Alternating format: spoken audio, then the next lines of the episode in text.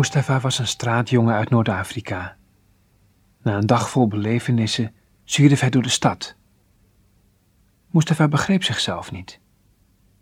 Zijn jas, die eerder die dag op het strand gestolen was, had hij teruggevonden in de hut bij de zoutpannen. En toch was hij niet blij. Hij wilde die stille hut en de vrouw met het witte gezicht en het zieke kind dat onder zijn jas lag, het liefst zo snel mogelijk vergeten. Van zijn laatste peseta kocht hij wat brood en vis. En tussen de schoenpoetsers bij de bushalte begon hij zijn karig maaltje naar binnen te werken. De schoenpoetsers deden in deze tijd goede zaken, want iedereen wilde er netjes uitzien voor het kerstfeest. Ze zaten vol verhalen, want de kersttijd was altijd een geweldige tijd. Dan lag er ontzettend veel voedsel in de winkels en dan waren de harten van degenen die dat voedsel kochten ook altijd edelmoediger gestemd dan anders. Wat doen die christenen nou eigenlijk op dat feest? vroeg een slungelachtige jongen minachtend. Kalkoen eten, antwoordde een slordig uitziende man. Ik heb vroeger voor een van die lui gewerkt. Ze worden trouwens dronken ook. En ze roken kisten vol sigaren. En verder geven ze hun kinderen cadeaus. Ik heb me er wel eens over verbaasd hoeveel die mensen dan kunnen eten. Ja, kun je net denken, ik kreeg natuurlijk niks. Ik was maar de tuinmansknecht. Hij spoog verachtelijk op de grond en leunde tegen de muur.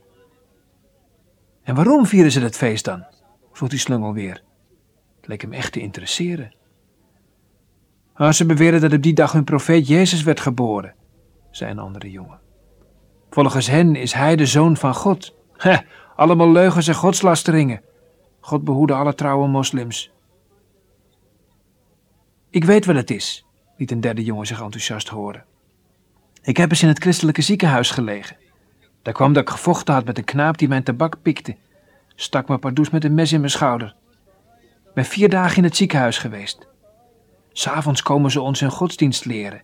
En dan proberen ze ons allerlei slechte dingen te leren, zoals bijvoorbeeld: God heeft zoveel van de wereld gehouden dat hij zijn enige geboren zoon heeft gegeven. Hij deed de stem van een buitenlandse zendeling precies na. En iedereen brulde van het lachen. Ja, de goede moslims kruipen onder de dekens, vervolgde de jongen, aangemoedigd door het gelach. Maar er zijn er ook die luisteren en de woorden nazeggen, omdat ze denken dat ze dan beter worden behandeld in het ziekenhuis. Heh, de huigelaars. Maar ik moet eerlijk zeggen dat die dokter aardig was. Hij behandelde ons allemaal hetzelfde, of we nou luisterden of niet. En rijke mensen werden niet door hem voorgetrokken boven anderen.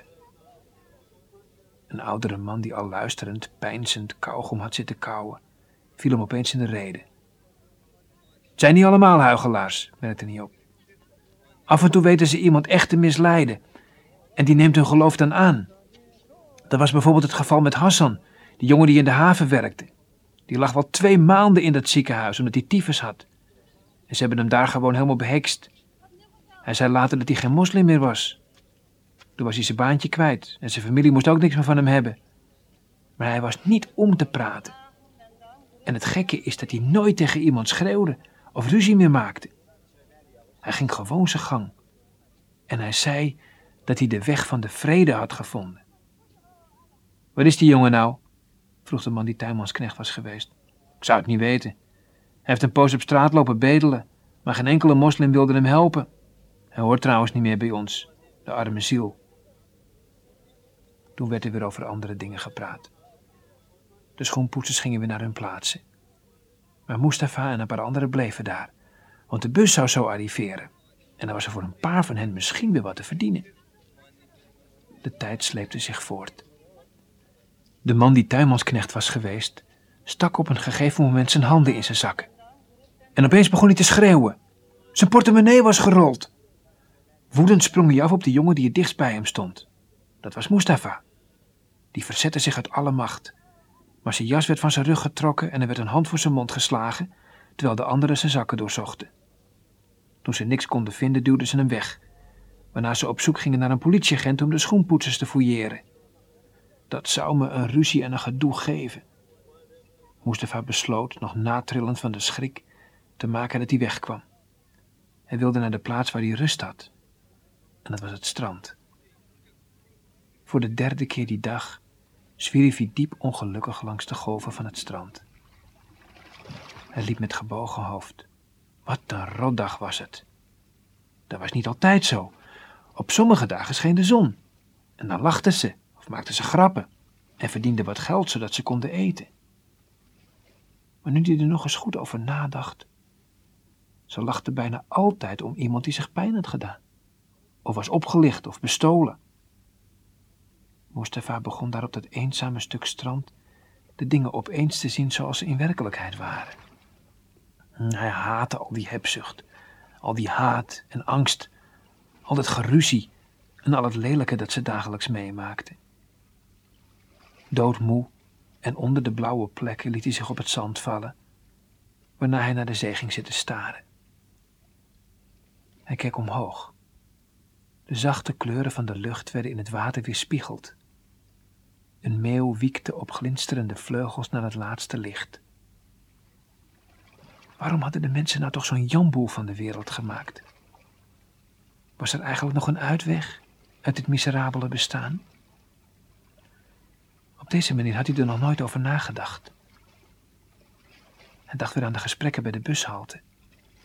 Hij herinnerde zich de woorden nog heel precies, omdat het woorden waren geweest die hij nog maar zelden had gehoord. God heeft zoveel van de wereld gehouden en hij zei dat hij de weg van de vrede had gevonden. Liefhebben, geven, vrede. Deze drie woorden waren net drie richtingwijzers. Ze zeiden Mustafa en de andere zwervers niet zo erg veel. Die hielden het meer op haten, weggrissen en vechten. Dat was hun code.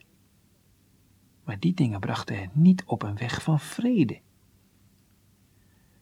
Toch had Mustafa jaren geleden al aan de lijve ondervonden wat die woorden inhielden. Zijn moeder had hem lief gehad en gegeven, alsmaar gegeven, tot ze niks meer te geven had. Mustafa wist nog goed hoe vredig ze erbij lag, de avond dat ze stierf. Dat gesneeuwd, en ze had hem de enige warme deken gegeven. Dat was het laatste geweest wat ze hem had kunnen geven. Wat was vrede? Een vroege zomerochtend in de bergen? Een zonsondergang boven zee? Liefhebben? Geven? Maar hij had een hulpeloze vrouw bang gemaakt en de deken van een ziek kind weggegrist. Opeens wist hij heel zeker waar zijn weg van de vrede lag. Hij draaide zijn hoofd om om er naar te kijken. De plassen water in de zoutpannen werden door het laatste licht bloedrood gekleurd en de boten staken als donkere silhouetten af tegen de ondergaande zon. Hij stond op als een soort slaapwandelaar en stak de spoorlijn over. De deur van de vissershut zat niet op slot, want de buurvrouw zou later op de avond nog eens langskomen, zodat ze de deur alleen maar dicht had gedaan. Mustafa duwde de deur zachtjes open, zonder te kloppen, en stapte naar binnen. Er brandde een lampje, en het enige geluid was de onrustige ademhaling van het zieke kind. Toch merkte Mustafa meteen dat er iets was gebeurd. De jonge vrouw lag op haar elleboog neer te kijken op een baby die aan haar borst lag. Haar vermoeide gezicht was volkomen vredig. Die baby moest zijn geboren na Mustafa's vertrek eerder die dag, want de hut was helemaal schoon en opgeruimd.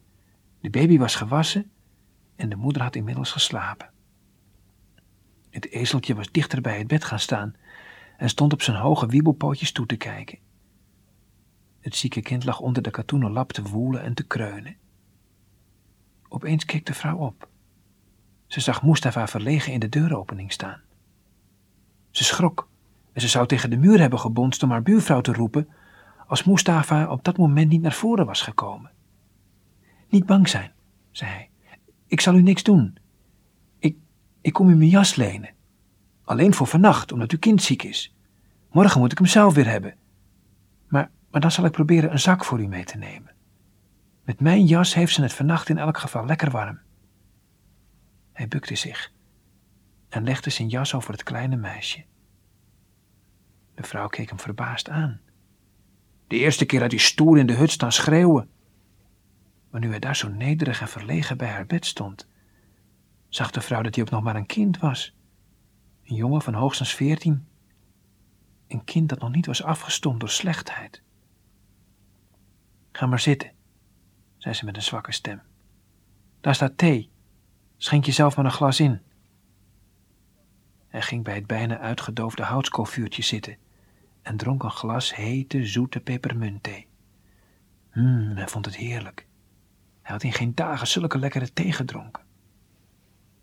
Waarom heb je die jas teruggebracht? vroeg de vrouw, nog steeds verbaasd.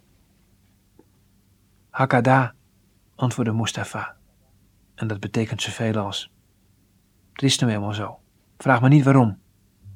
Hij begreep zelf namelijk ook niet waarom hij het had gedaan.